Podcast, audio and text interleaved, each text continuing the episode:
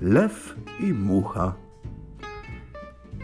Idźże precz, ty śmierdziucho urodzona skału. Tymi słowy lew zburczał muchę niepomału, co koło niego brzęczała. Ta mu też wojnę wydała. A cóż to, że więc jesteś królewska osoba? Przez to już ci się ma godzić każdemu po głowie chodzić? Wiedz, że ja żubra pędzę, gdzie mi się podoba, choć jest silniejszy od ciebie. Rzekłszy, bziknęła, niby trąbiąc ku potrzebie, a potem podleciawszy dla rozpędu w górę, paw go w szyję między kłaki. Lewisko się rzuca jak szaleniec jaki, drapie, szarpie własną skórę, z ciężkiej złości piany toczy, ryczy, iskrzą mu się oczy. Słysząc ten ryk, truchleją po dolinach trzody.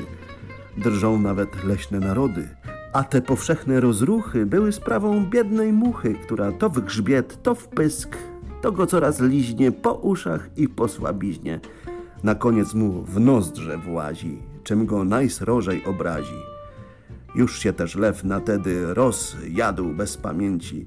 Ledwie się jadem nie spali, ogonem się w żebra wali, pazurami w nozdrzu kręci, zmordował się, zjuszył, spocił, aż się na resztę wywrócił. Mucha rada, że wieczna okryła ją sława, jak do potyczki grała, cofanie przygrawa. A gdy chwałą zwycięstwa zaślepiona leci, wpada do pajęczej sieci. Ta rzecz nas może tej prawdy nauczyć, że czasem nieprzyjaciel, co się słabym zdaje, może nam wiele dokuczyć. I to także poznać daje, że ten, komu się może zdarzyło przepłynąć, może na Dunajcu zginąć.